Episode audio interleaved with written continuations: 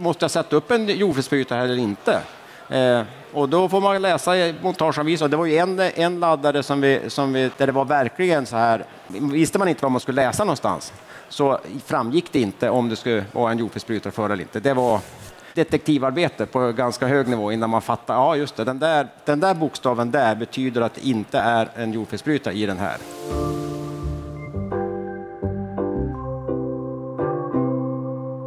Du lyssnar på Elinstallarpodden, ett program från tidningen Elinstallatören. Jag heter Henrik Sannesson.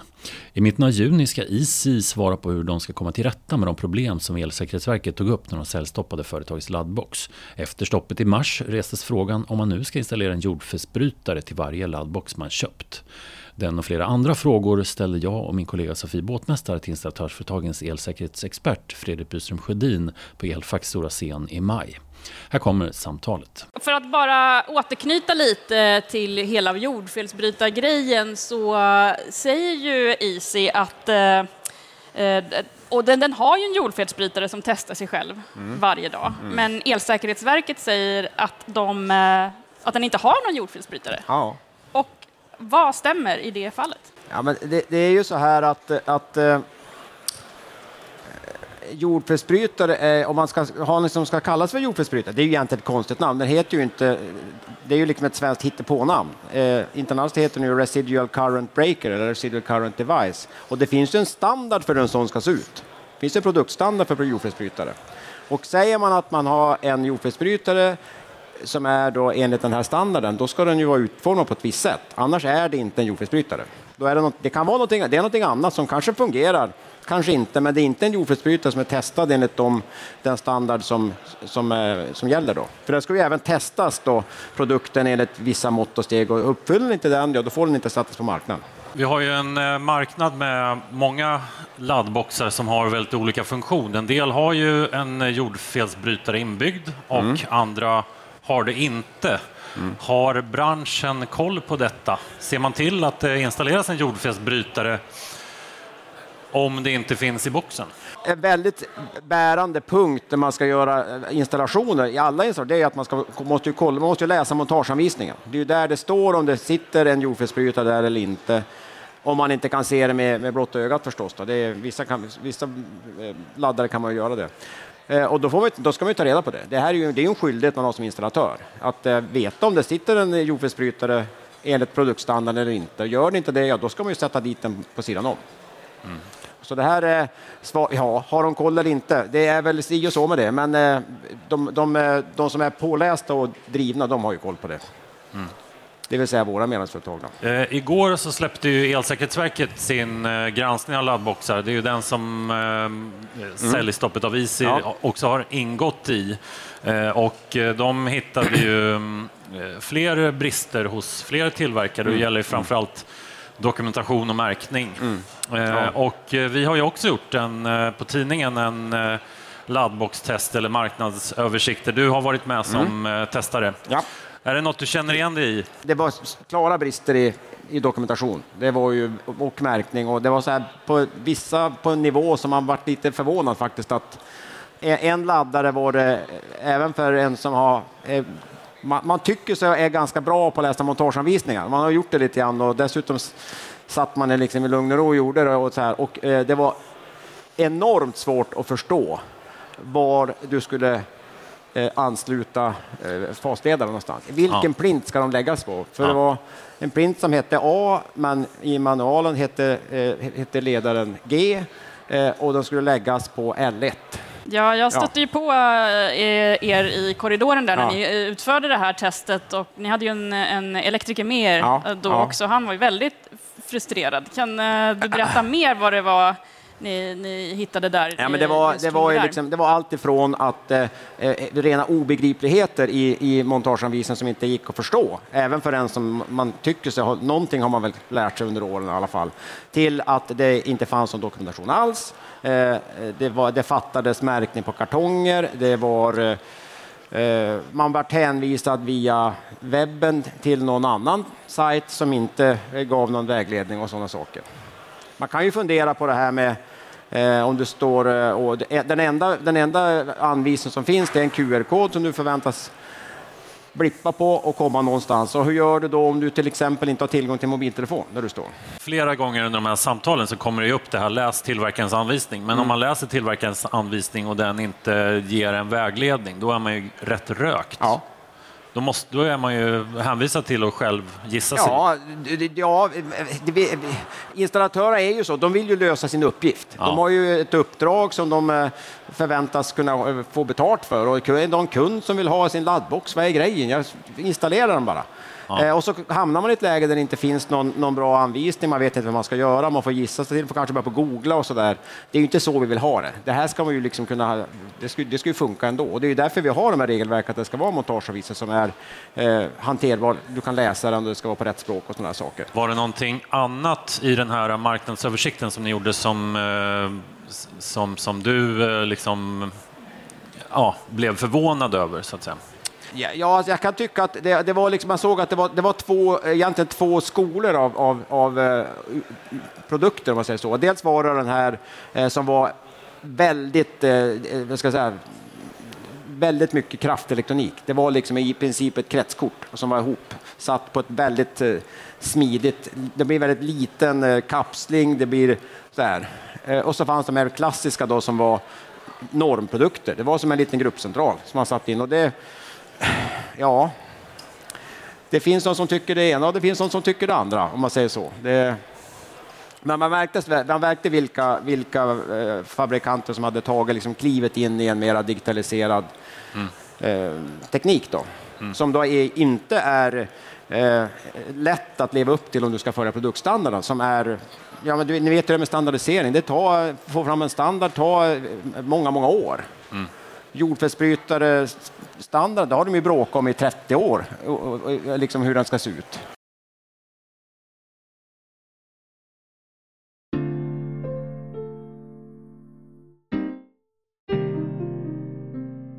Jag skulle vilja kolla lite grann. Hur många är det i publiken som installerar laddboxar? Hand upp. Ja, det är ett gäng. Och är ni lag kretskort eller lag normcentral? Vi kan ju börja med kretskort. Lite Easy ja. kanske? Ja, kanske det. Några nickar, några skakar på ja. huvudet. Och några som eh, är i det andra laget? Inga? Okej. Okay. ja. De, vi skulle den kunna... generationen kanske inte går på elfack längre. Jag vet inte. vi skulle kunna öppna för publikfrågor också, eh, om det är någon som har en fråga. Ni kan ju fnula på saken. Mm. Det finns en mikrofon där, så att vi kan eh, ta det om det finns mm. intresse. Mm. Jag tänkte, Fredrik, det var en ganska speciell situation för både dig och den här elektrikern att liksom få verkligen dissekera mm. så många boxar på, mm. på en gång. Och nu är ju inte elektrikern här, men, men vad sa han efter det här? Han sa ungefär som elektriker brukar säga att det var trångt. Eh, hur fan ska man kunna få in en, en eh, 6 kabel i den här? Eh, oj, här, var det, här måste man byta eh, packning och här måste man byta fläns och det var dittan och var dattan. Så här, så att, och, och det, ja, det var typiskt elektrikertugg och det brukar oftast vara så. Ja, hur, ska de, hur har de tänkt det här när det är 10 grader kallt ute på en parkering och så ska man liksom knäcka in den här på tal om det här med knorr på penledare och sådana saker. Så.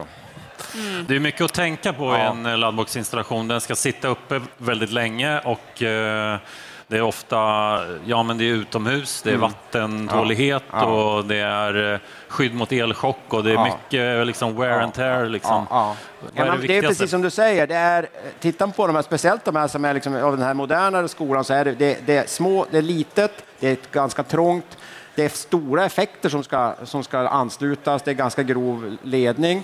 Det, och det vet ju alla som håller på att eh, eh, bryta in och ansluta en, en 6 kvadrat, kanske en 10 kvadrat, kanske till och med en 16 kvadrat. Det är inte lätt alltså. Det, är, eh, det, det måste man tänka till så att man inte gör för böjarna så att du får kallflytningar och sådana saker. Och det, och det, ja, det är mycket, mycket sånt som är så att man måste... Som, det, det, är ju inte, det är inget konstigt liksom, installationsmässigt, man måste vara noga så att det verkligen blir mm. rätt och, och, särskilt när det är litet och trångt. Mm. Efter den här eh, Laddbox-gate-historien, vi, vi märker ju här i publiken att den här enkelheten är ju ändå mm. eh, mm. väldigt eh, uppskattad och eh, populär, men framöver nu, kommer vi att se mer fokus på säkerhet, tror du, eller är det fortsatt eh, enkelhet och eh, ekonomi som kommer att det är, springa om det är där. svårt att säga, men jag tror från installatörer tror att man kommer att försöka tänka till lite grann nu innan man smackar upp de här, eh, de här små burkarna. För att eh, nu vet man att det kan ju sluta med att man måste göra som det var i det här fallet, att du kanske måste reklamera 200 laddare som du har satt upp. Det är inte så kul, för man, man sitter ju liksom lite på pottkanten där. Det, måste jag sätta upp en jordfelsbrytare eller inte?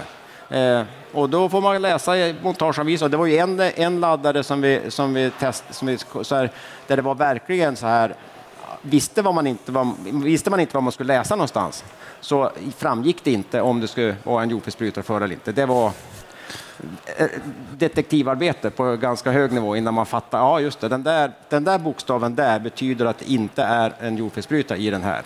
Ja. Sen, sen var det, ju, det var en sån modell så att man såg att det, det sitter ju uppenbarligen en jordfelsbrytare. Det, det gör det inte, men ja. Vi kanske kan prata lite mer om den här marknadsöversikten, för nu har vi pratat om... Eh, jag tycker ändå att det är spännande att ni stod där och skruvade och verkligen liksom ja, hade de här öppna. Ja. Jag har ju sett bilderna på det här också, Ja. det ser ju väldigt roligt ut. Eh, var det någonting som ni upplevde var positivt? Eh, Men jag, jag, jag tycker det är positivt att, att det finns en, en ambition från tillverkarna att, att ta sig an ny teknik. Alltså det, är ju, det är ju väldigt spännande teknik, liksom det här med, det är otroligt avancerat just det här med, med, med lastbalansering via, med, med, på ett intelligent sätt. Och du inte behöver hålla på och ha strömtransformatorer i, en, i ett mätarskåp och du ska dra ledningar från, så här, på ett gammalt... Och det är liksom, allting sköts via... Det är ju, det är ju jättespännande och det är ju otroligt användarvänligt. Det gäller liksom att hitta ett sätt att man kan få det här så att du kan hantera det här tills dess att standardiseringen har hunnit ikapp. Och det är ju en utmaning. Eh, och det måste vi försöka hjälpas åt med för att eh, det, vi vill ju, ingen vill ju liksom på något vis sätta käppar i hjulet för ny teknik. Det vill vi ha, men det måste ju, någonstans måste man ju respektera ändå att det ska vara, eh, det ska vara säkert och det ska följa liksom, de regelverk vi har satt upp in, inom Europa. Då. Mm. Det har ju varit ett väldigt fokus just nu på med, med jordfelsbrytaren på grund av det som har hänt med Easy. Men finns det liksom, vad finns det andra delar som är liksom lika viktiga, liksom överspänningsskydd och liksom sådana saker? Ja, alltså jordfelsbrytaren är ju rätt, den är ju rätt så här, central för personsäkerhet. Då.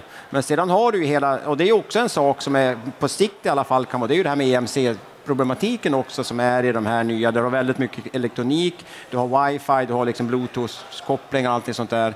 Eh, som, eh, och det, är ju, det regelverket är ju också, det ska ju också följas. Här. Det måste man också se till. Och det, det, är ju, det blir ju väldigt mer väldigt abstrakt för installatören, för det är ju, det är ju liksom, vad jag ska göra? Det är ju, det är, jag tar upp den ur min kartong och skruvar dit den som den ska och sen, ja, och sen ringer de att det, det, kunden och säger att det, inte, det är saker som inte funkar.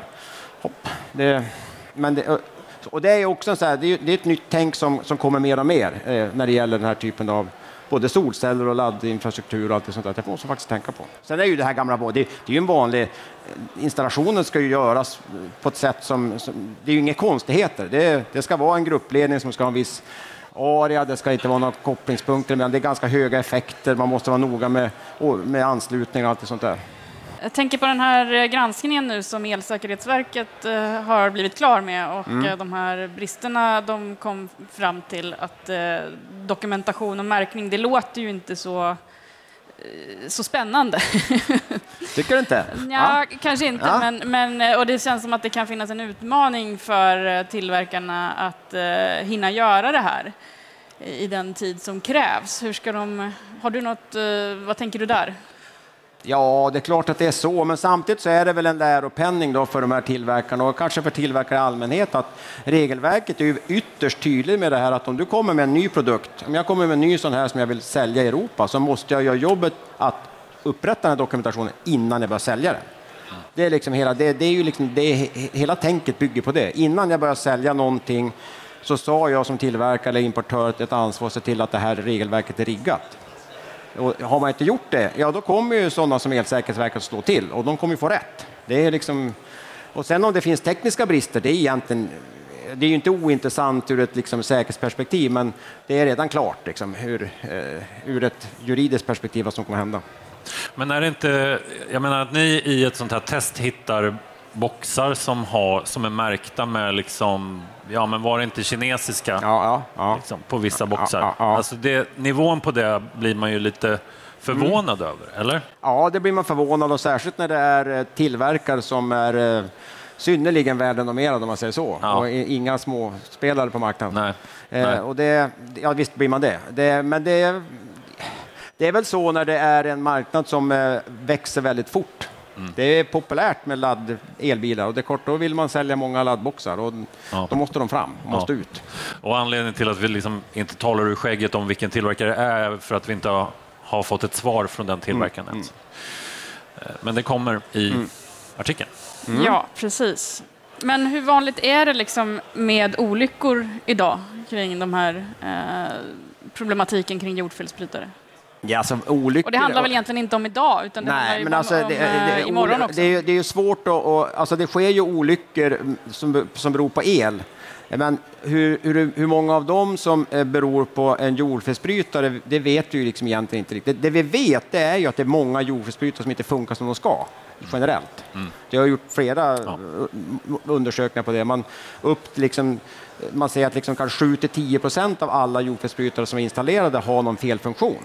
Och det är, ju liksom, det är lite för många för att det här ska vara riktigt acceptabelt. Och det, det, det löser man ju idag genom att faktiskt underhålla den där. Den är ju inte underhållsfri. Man ska ju underhålla sin jordfelsbrytare. Den ska ju testas mm. med jämna mellanrum. Mm.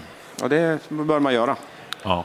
Men var inte det lite av eh, liksom, Isis USP också, att deras jordfelsbrytare behövde inte testas därför att den var inte spänningssatt? Ja, det var, så var det ju. Och det, det, det är säkert så. Det, jag menar, det, det, där, sånt där vet vi ju inte. Den kan ju vara, det är ju säkert en jättebra produkt och det, ja. de har säkert rätt i det, att, den, att, den, att den, den, de löser det på den. Men man, det, är inte, det är inte löst på det sätt som standarden säger att det ska lösas för att det ska vara godkänt enligt produktstandarden. Då. Och då eh, faller det. Då måste, då måste de ju kunna visa då genom omfattande utredningar att det här är lika säkert. Och, det, och, det, och dessutom ska det göras innan man sätter på marknaden. Mm.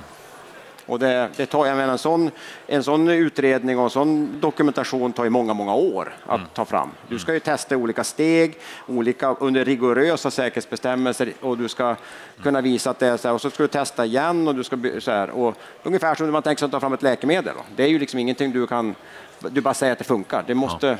Men, men, vad tänker du om att eh, marknaden, när marknaden väljer så väljer den ändå de här små boxarna som mm. du säger, mera nästan som kretskort. Mm, mm. Eh, liksom, de, de väljer ju inte de här stora stora klumparna, liksom metall och sådär. Det är små, det, det är tajt, mm, liksom, det är tajt. Var ska ja, ja. varmluften ta vägen och så vidare. Liksom. Alltså, eh, när marknaden väljer så väljer de de här små boxarna. Vad, vad tänker du om det? Kommer det bli mer olyckor framåt, varmgång, bränder och så vidare. Jag menar, det är ju skälet till att vi har laddboxar är att undvika varmgång och bränder. Ja, men det är ju så här att om du har någonting litet, tajt, eh, integrerat och så drar du in 11 kilowatt i den under 6-7 timmar varje dag. I flera år? Att, I flera år. Det är klart ja. att då vill ju till att de här grunkorna inuti pallar det. Ja. Förr eller senare kommer du få varmgångar, du får problem med kondens. Det är ju också ett jätteproblem. Det såg man ju också att det, att det, det var ju inte särskilt många som har tänkt på att liksom ha möjlighet att kunna ha en kondens ta bort, ta bort kondensvatten. För det, har man ju, det, det, vet ju alla att har du, sett, har du någonting med ett kretskort som blir varmt och du, den sitter utomhus där du har liksom temperaturväxlaren, då kommer kondensen som ett brev på posten. Mm. Till slut är den liksom, det slutar funka och så öppnar man och så rinner vatten ur den där. Det, så är, det är liksom, och, ja, vi får väl se. Ja, det, var, det, var det flera som inte hade tänkt på det alltså? Ja, så, det kan man ju säga. Ja. Och, och ja, det, är, det, är det höga effekter och, och den typen, då, blir, då går det varmt och då är det litet och då går det ännu varmare. Och det, och det, det är ju så här, det, det, funkar säkert jättebra, inte vet jag, några år sedan, men mm. det ska ju funka ganska länge. Ja. Du blir ju inte sugen på att byta ut den var tredje år, det, är inte, det vill man ju inte ha. Eller? Eller? Ja, installatören vill kanske ha det efter produktgarantin har gått ut.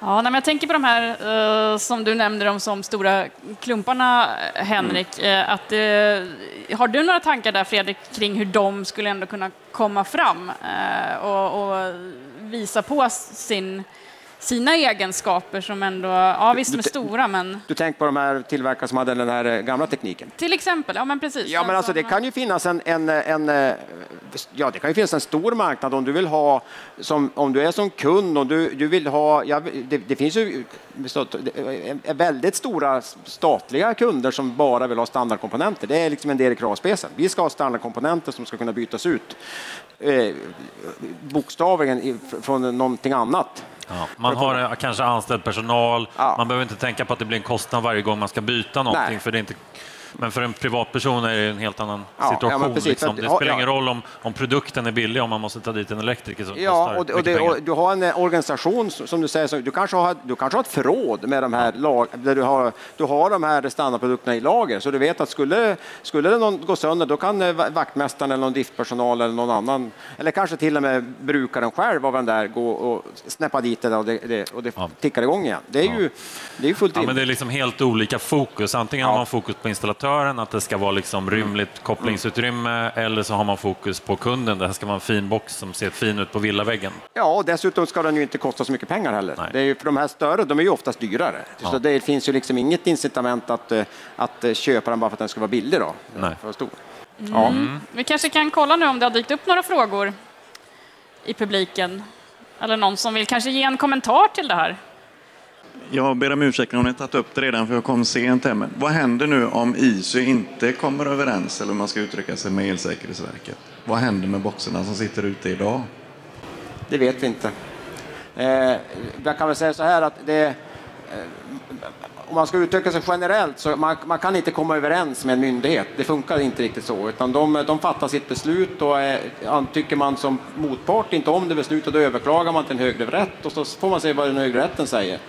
Eh, men nu är det ju, om jag inte minns fel så har ju, då, eh, har ju de då ett, ett, ett, en tid på sig att komma med ett, eh, ett, eh, ett förslag på hur man ska lösa det där på de redan installerade boxarna och då får vi se vad, de, vad det är för någonting och, och det, vad det blir. Och då, och här, och, ja.